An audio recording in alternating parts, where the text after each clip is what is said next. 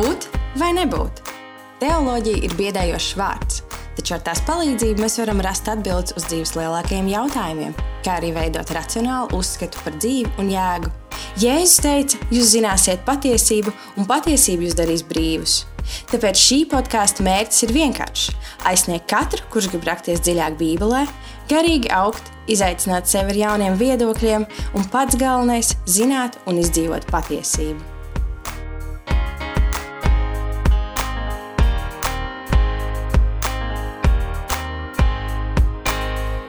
Esiet sveicināti Racionāls viedoklis podkāstā, kurš runā par visādi veidu kristīgās teoloģijas tēmām.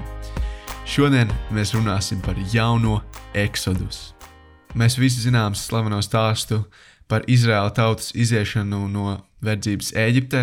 Manuprāt, tas ir burtiski viens no episkākajiem stāstiem visā Bībelē. Tas ir stāsts par to, kā jēkaba pēcteči, kuri Eģiptes zemē sāk augt lielumā, tiek paverdzināti zem faraona rokas. Tas noved pie tā, ka faraons liek nonāvēt visus jaundzimušos, visus jaundzimušos ebreju zēnus, iemetot tos upē. Tāda kāda sieviete mēģinājumā izglābt savu zēnu no šīs nežēlīgās nāves, ieliek viņu niedus šķirstā un palaiž pa upi, līdz faraona meita nejauši šo zēnu atrod. Tad šī faraona meita viņu paņem pie sevis, izaudzina viņu un nosauc viņu par mūzu. Nezinādama to, ka Mozus kādu dienu sastaps to kungu, kurš caur mūzu izdīs viņa paša tautu, Izrēlu no verdzības Eģiptē, ar skatu uz apsolīto zemi. Šis ir stāsts, kur visvairāk dzirdējuši esam Svētdienas skolā vai baznīcas solos, taču mēs bieži vien neaizdomājamies, cik milzīga teoloģiska nozīme šim eksodus stāstam ir visā Bībelē un mūsu dzīvē. Šajā stāstā mēs ieraugam motīvu, iziešanu trimdā un atbrīvošanu, jeb eksodus. Tieši tā arī šo atbrīvošanu es saukšu šajā epizodē par eksodus, jo eksodus, jeb um, eksodus nāk no grieķu valodas, kas burtiski nozīmē ceļš prom. Tātad šī iziešana, atbrīvošana. Un tā arī ir nosaukta otrā mūzes grāmata. Tad interesanti, kā šis motīvs, trimda un atbrīvošana nemaz nesākās ar otro mūzes grāmatu, kā mums varētu šķist. Tas ir atrodams jau pirmajā mūzes grāmatā. Citreiz mēs šo motīvu iziešanu trindā nemaz neieraugam Bībeles stāstos, bet īstenībā tas sākās jau ar pirmo mūzes grāmatu.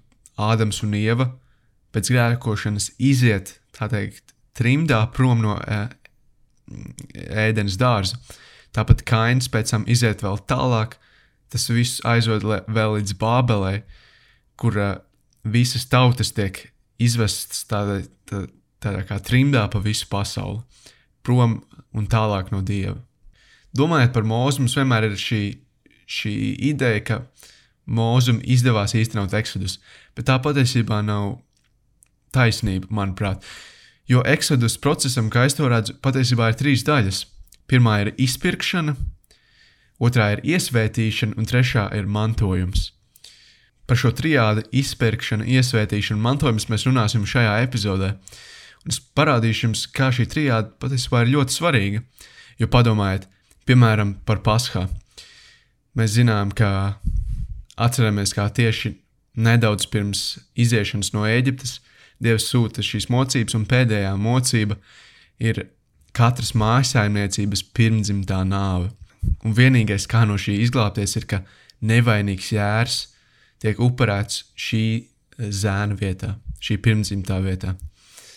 Un tad padomājiet, bez paskā izceļošana vienkārši kļūst par politisko atbrīvošanu. Tā īsti nav izpirkšana. Un caur paskā patiesībā eksodus, jeb izceļošana kļūst, kļūst par atbrīvošanu no nāves. Padomājiet, tad visai Eģiptei ir nāves draudi, kurā tiek paņemts ik viens pirmdzimtais dēls kurš savā ziņā pārstāv visu savu mājsaimniecību. Un visa mājsaimniecība ēd jēru, kas reāli ir šī pirmdzimtā dēla aizstājējs. Šis jērs ir šī pirmdzimtā dēla aizstājējs. Un šī ilustrācija mums un Izrēlam liek saprast, tik tiešām grēka alga ir nāve, un mēs varam tikt glābti tikai ar šī nevainīgā jēra asinīm. Līdz ar to Kad mēs skatāmies uz Izraēlu, kuru otrajā mūzes grāmatā 422 dievs dēvē par manu pirmdzimto dēlu, tad mēs varam teikt, savā ziņā Exodus stāsts ir dievs, kas atbrīvo savu pirmdzimto dēlu no nāves. Un, protams, tam ir liela teoloģiska nozīme. Un, protams, kā tad bez jaunās darības, padomājiet par transfigurāciju, jeb apskaidrošanu kalnā. Jēzus ar Pēteri, Jēkabu un Jāni uziet augstā kalnā, lai lūgtu Dievu, un Jēzum lūdzot, viņa drēbes palika mirdzoši baltas, un pie viņa parādījās divi milzīgi, ievērojami vecās derības pravieši - Mūzus un Ēlija. Un Lūks savā evanģēlijā 9. nodaļā, nodaļā raksta šādi: Tie parādījušies godībā runāja par viņa aiziešanu, kam bija jānotiek Jeruzalemē. Šis ir no jaunā tulkojuma. Un šī aiziešana grieķu oriģinālajā valodā ir šis vārds exodon, jeb exodus. Tad par ko Jēzus runā ar Mozu un Eliju? Viņi runāja par Jēzu, Jēzus eksodus, jauno eksodus, kam bija jānotiek Jeruzalemē. Šeit mēs saprotam, ka viens no Jēzus mērķiem, kāpēc viņš šeit nāca, ir īstenot jauno eksodus. Un šī iespējams mums ir tāda jauna ideja, ko mūsdienās mēs tik bieži, diemžēl, vairs nedzirdam. Iemesli var būt dažādi, uh, varbūt visticamāk, jau tas, ka tas nāk no vecās derības, bet lai vai kā, visticamāk, jau tagad mēs esam sapratuši, ka šis jaunais eksodus ir krusta nāve. Caur krusta nāvi Jēzus izpērk mūs no pazušanas. Cilvēce ir izpirkta, atbrīvota, viss mūsu sots tajā brīdī tiek uzlikts uz Jēzus pleciem.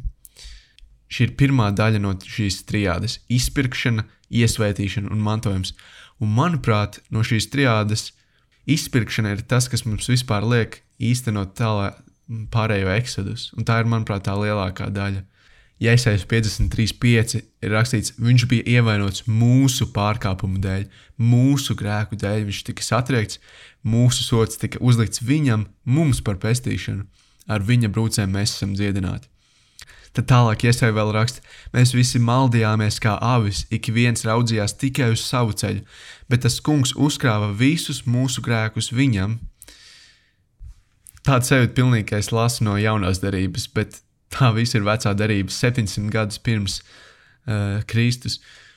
Turpinot 7. pants, kad viņš tika sodīts un spīdzināts, viņš padevās un neatraidīja savu muti, kā jērs, ko ved nokaušanai un kā āvis, kas paliek klusa savu cirpēju priekšā, tā viņš apklus un nedarīja savu muti.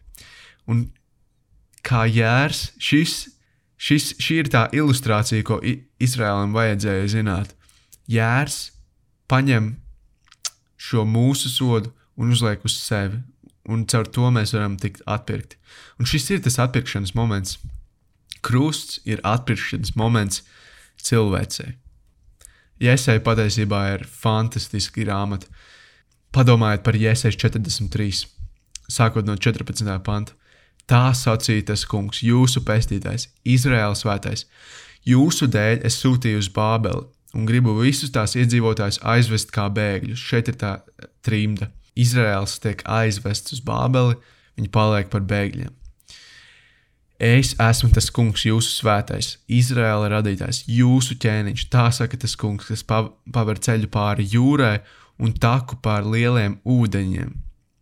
Atcauc uz Exodus, pāri jūrai, pāri lieliem ūdeņiem, kas izsūta karā ratus un zirgus, karapulkus un karaspēkus, bet tā, ka visi visi tur guļ un necelsies vairs. Tie izplanējuši un izdzisuši kā izlietoti degļi. Un šis ir tas vecais eksodus, par ko uh, Dievs runā šeit iesaistīts grāmatā. Un tad, un tad pēkšņi uh, iesaistīts Nedomājiet vairs par seniem notikumiem un neievērojiet tos, kas sen bijis.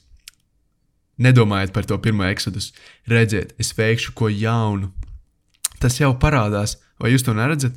Es likšu rasties ceļam tuksnesī un upēm vietuļās kailatnēs.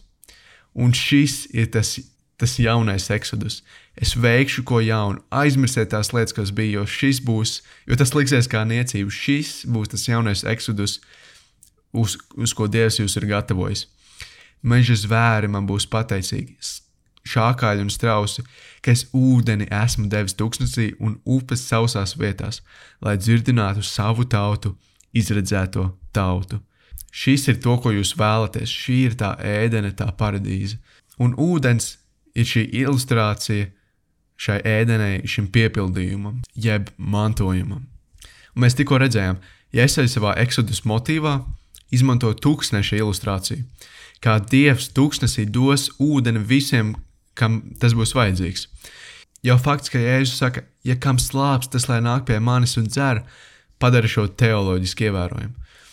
Tāpat sieviete pie akas, Jēzus saka, ikvienam, kas dzer no šī ūdens, atkal slāpst, bet kas dzer no tā ūdens, ko es tam došu, tam ne mūžam vairs neslāps, bet ūdens, ko es tam došu, kļūs viņā par ūdens avotu, kas vērt mūžīgai dzīvībai.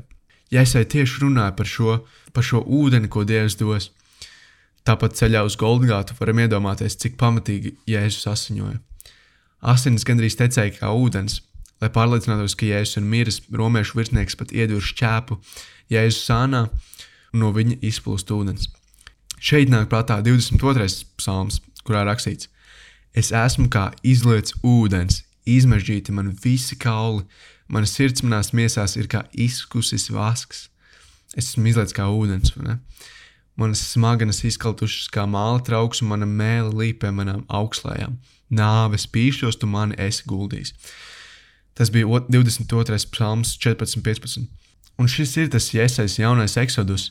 Dievs izlaiž pats sevi visu par eh, visiem cilvēkiem, kuri to nebija pelnījuši un Jēzus vārdiem pie krusta man slāpst pavērs jauna teoloģiska nozīme.